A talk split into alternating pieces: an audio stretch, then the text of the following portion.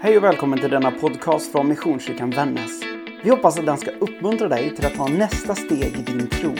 Om du vill ha mer koll på vad som händer hos oss, gå in och följ Missionskyrkan Vännäs på Facebook och Instagram eller kontakta oss via vår hemsida www.missionskyrkanvannas.se.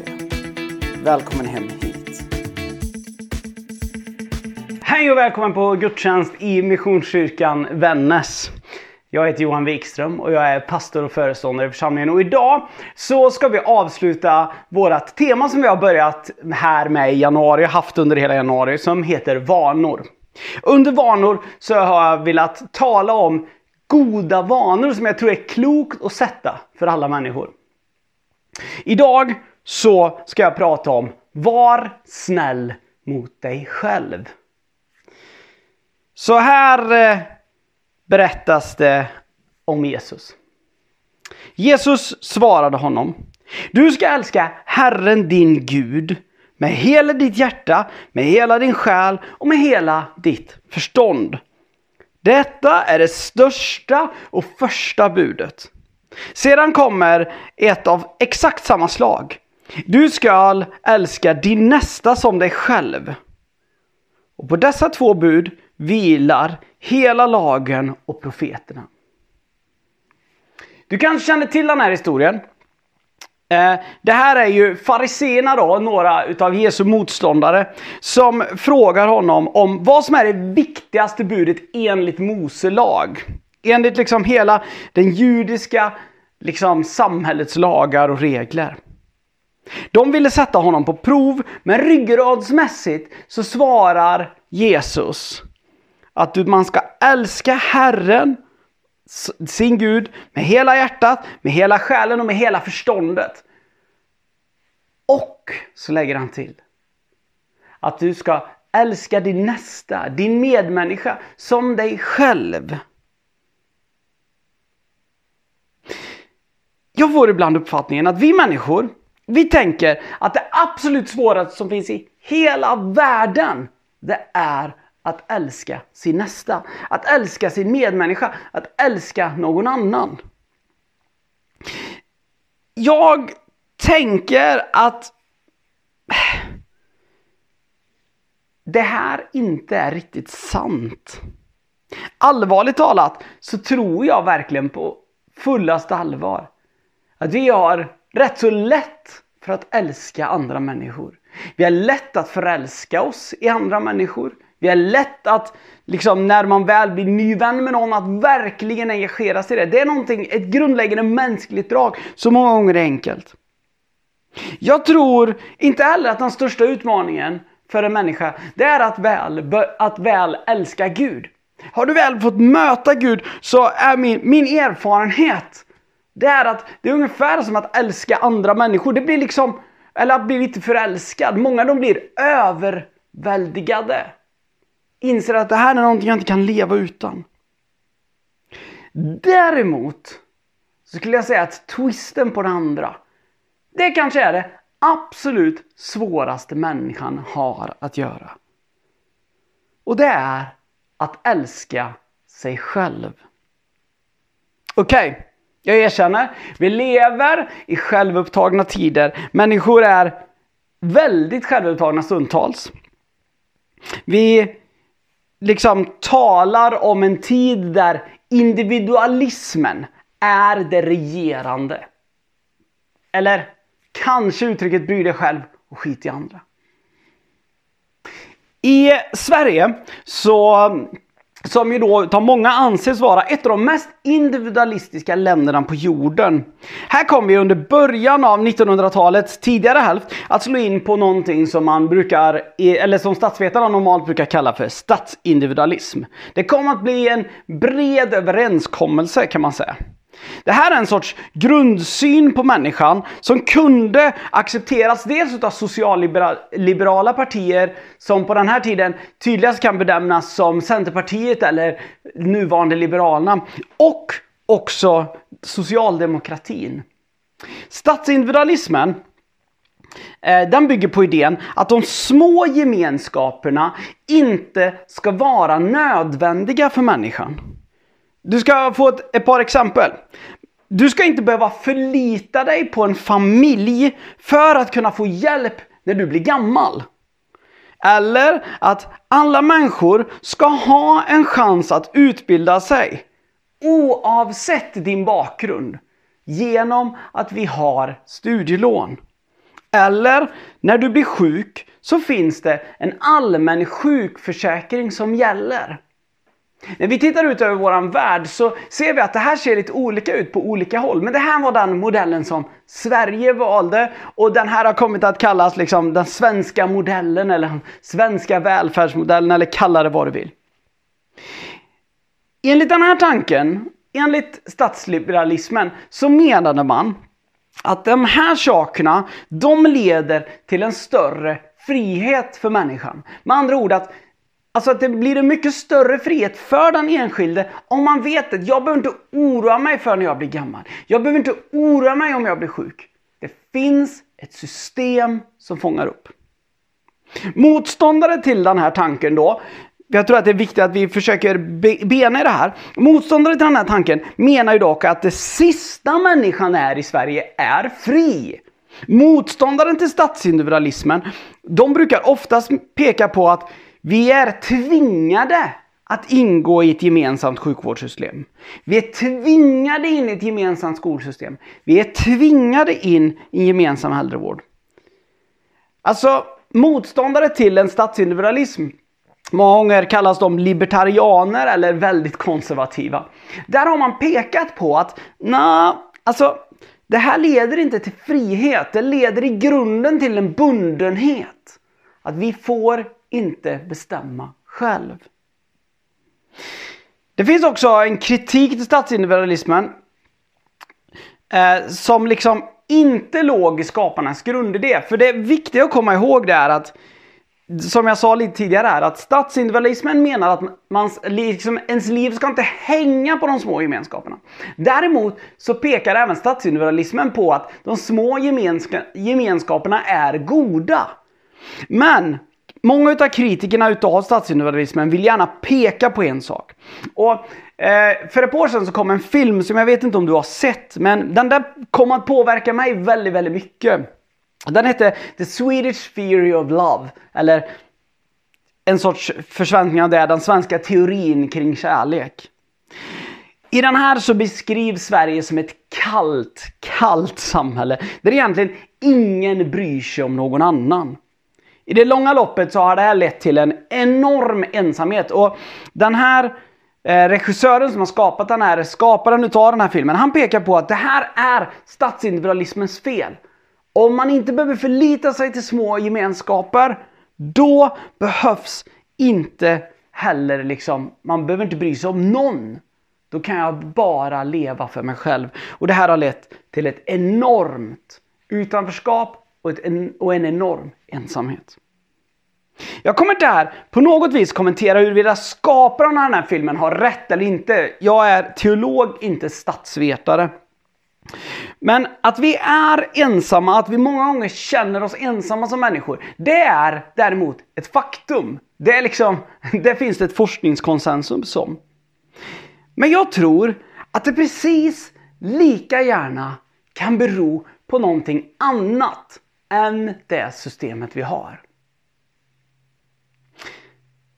När Jesus talade till fariseerna så är det som att han talar rakt in i vår tid.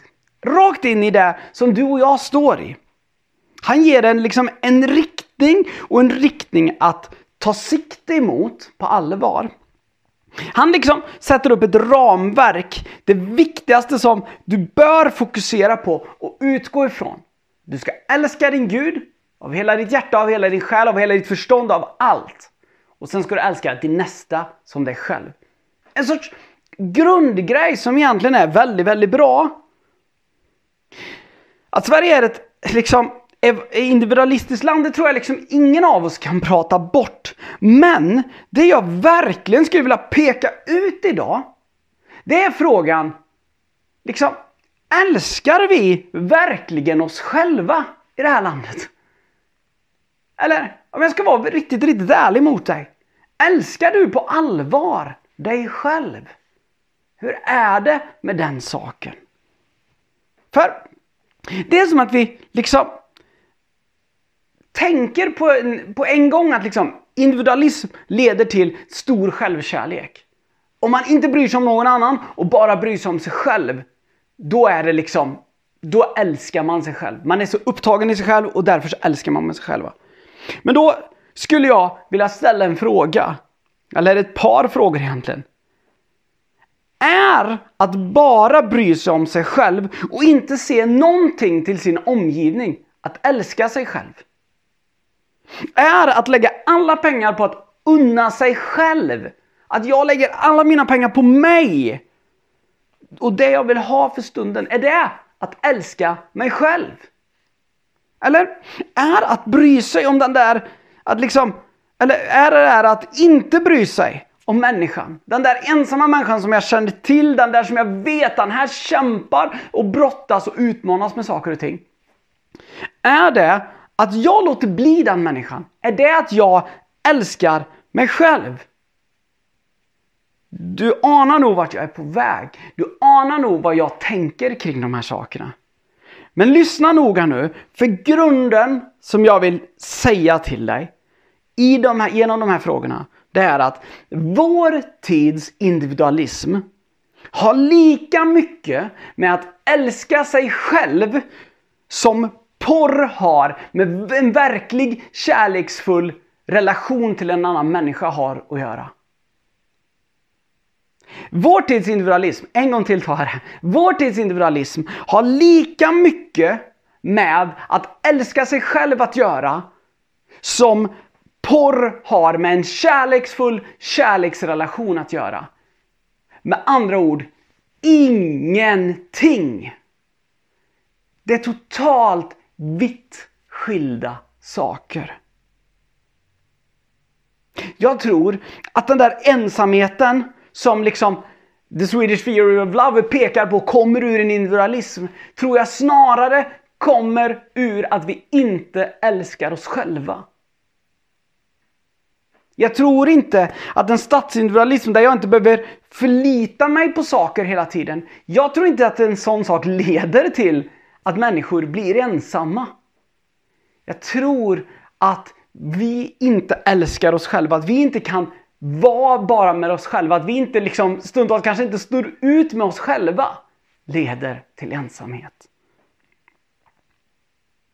När Gud skapade människan, då skapades människan till Guds avbild. Men det beskrivs också som kronan på verket. Kronan i hela skapelsen. De stunderna som du funderar på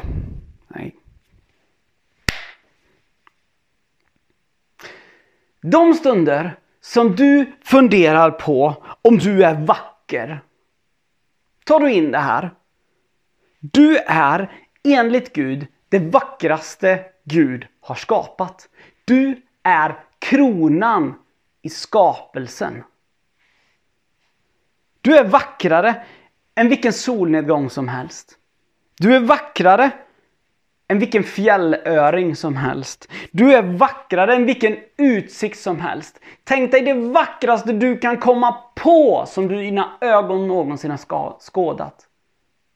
Det vackraste, enligt Gud, ser du i spegeln på morgonen. Tro på vad Gud har sagt om dig. Din insida, ditt inre kanske många gånger berättar någonting annat om dig. Det kanske berättar att du inte är vacker, att du ska tävla med andra, att du ska hela tiden så är allting en kamp, allting är mätbart. Men Gud tänker annorlunda. De stunder som du tänker, kan Gud verkligen förlåta en person som mig? Kan jag verkligen duga som jag är med de bristerna jag har? Kan Gud ens vara i närheten av en person som jag? Minns då att allt är försonat. Allt är försonat. När vi nu knyter ner det här temat så vill jag snabbt återknyta till de olika sakerna som jag har tagit upp. Jag har talat om karaktär. Om vikten av karaktär i kampen för att nå det där naturliga habitatet. För jag pekade på i början av den här serien att vanor handlar om att nå vårat habitat. Det som är det mest naturliga mänskliga för oss. Vilket jag pekar på är en nära relation till Gud, men också att jag känner att jag är den jag är. Att jag kan vara trygg med mig själv. Jag har talat om bönen och om att bön lika mycket som en handling, liksom en praktisk grej jag gör, också är att ställa in sitt liv gentemot Gud. Jag har talat om generositet och om att generositet är en av de mest mänskliga dragen som finns. Då vi är skapade till Guds avbild och Gud är alla goda gåvors givare. Gud är liksom generositet, symbol, liksom om man skulle använda uttrycket liksom, generositet nedpackat i ett format liksom. Sen så går det inte att packa ner Gud i ett format, men jag tror du begriper vad jag menar. Med andra ord, något av det mest naturliga i oss är att vara en generös människa mot min omgivning. Du är inte ensam när du kämpar för att nå det där naturliga habitatet. När du kämpar för att bara liksom må väl. Gud väntar på dig i ditt naturliga habitat. Samtidigt som givetvis Gud också går vid din sida på vägen dit. När jag talade om det här så talade jag om laxens kamp för att klättra sig upp utmed Vindelälvens forsar hela vägen upp till Vindelkroken där laxens naturliga habitat är, där de förökar sig. På samma sätt, du och jag kan hitta till den platsen Kämpa till den platsen som är vårt naturliga habitat. I närheten av Gud. Vill du rikta ditt liv, ditt fokus och din bön mot Gud så lyssnar Gud på dig. När du ber, när du ropar ut, när du i handling liksom, liksom på något vis närmast vrålar ut din bön till Gud Oavsett vad du känner, tänker, tycker så lyssnar Gud. Gud är inte beroende av vad du tror att Gud gör eller inte gör. Gud längtar efter att du ska bli så mänsklig du bara kan. Om vi tänker oss att Gud en gång i tiden skapade människan och att det vi beskriver som syndafallet och synden som kommer in i människans liv att det liksom förde oss bort från mänsklighet. Så längtar Gud efter att föra oss tillbaka till mänsklighet. En del av att bli så mänsklig som möjligt är att leva ett generöst liv. Generöst i Både, både liksom hur jag tänker kring mina pengar, kring vad som är mitt och andras, men också hur jag är som person. Är jag generös mot min omgivning? Avslutningsvis. Så många gånger har jag liksom genom mitt liv fått höra att det är så fult att älska sig själv. Det är som att vi alltid liksom på något vis tenderar att koppla ihop att älska sig själv med ren skär egoism.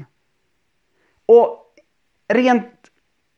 Jag tycker att få saker kan vara så fel.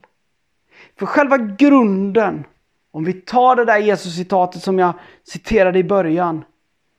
Om vi tar det och vänder det och går baklänges. Så handlar det om att du måste älska dig själv för att kunna älska din omgivning på allvar. Och hur ska du kunna älska Gud av hela ditt hjärta, av hela din själ, av hela ditt förstånd? Om du varken har hjärta, själ eller förstånd att älska dig själv. Själva grunden i kärleken, själva grunden i älskandet börjar i oss själva. Och Jag kommer inte ge dig fem saker, så här gör du för att älska dig själv mer. Du kommer få en enda sak. Jag är liksom ingen livscoach. Jag är pastor.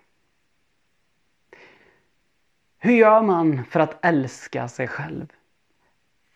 Jag säger inte att det är enkelt. Alla som känner mig vet hur mycket jag har kämpat med att kunna älska mig själv. Men i grund och botten så tror jag att det handlar om att lita till Gud.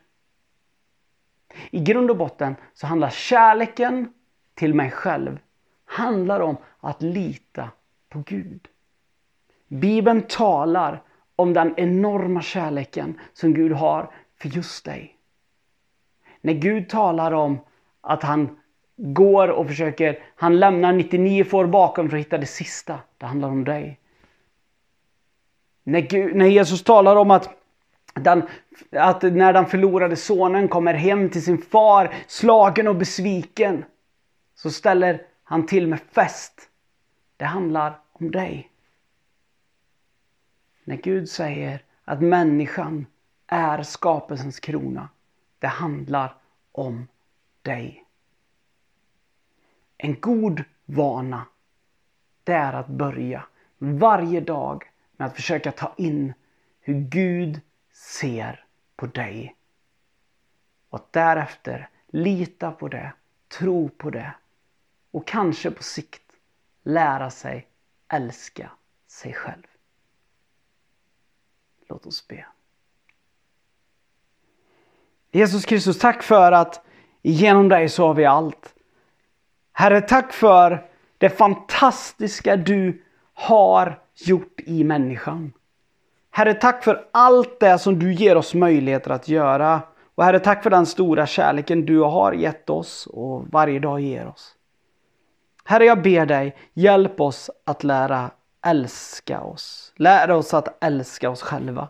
Lär oss att förstå hur du ser på oss. Och jag ber Herre att var och en som ser den här, den här predikan verkligen ska få få en, liksom ett smakprov av att på allvar få känna hur du ser på dem.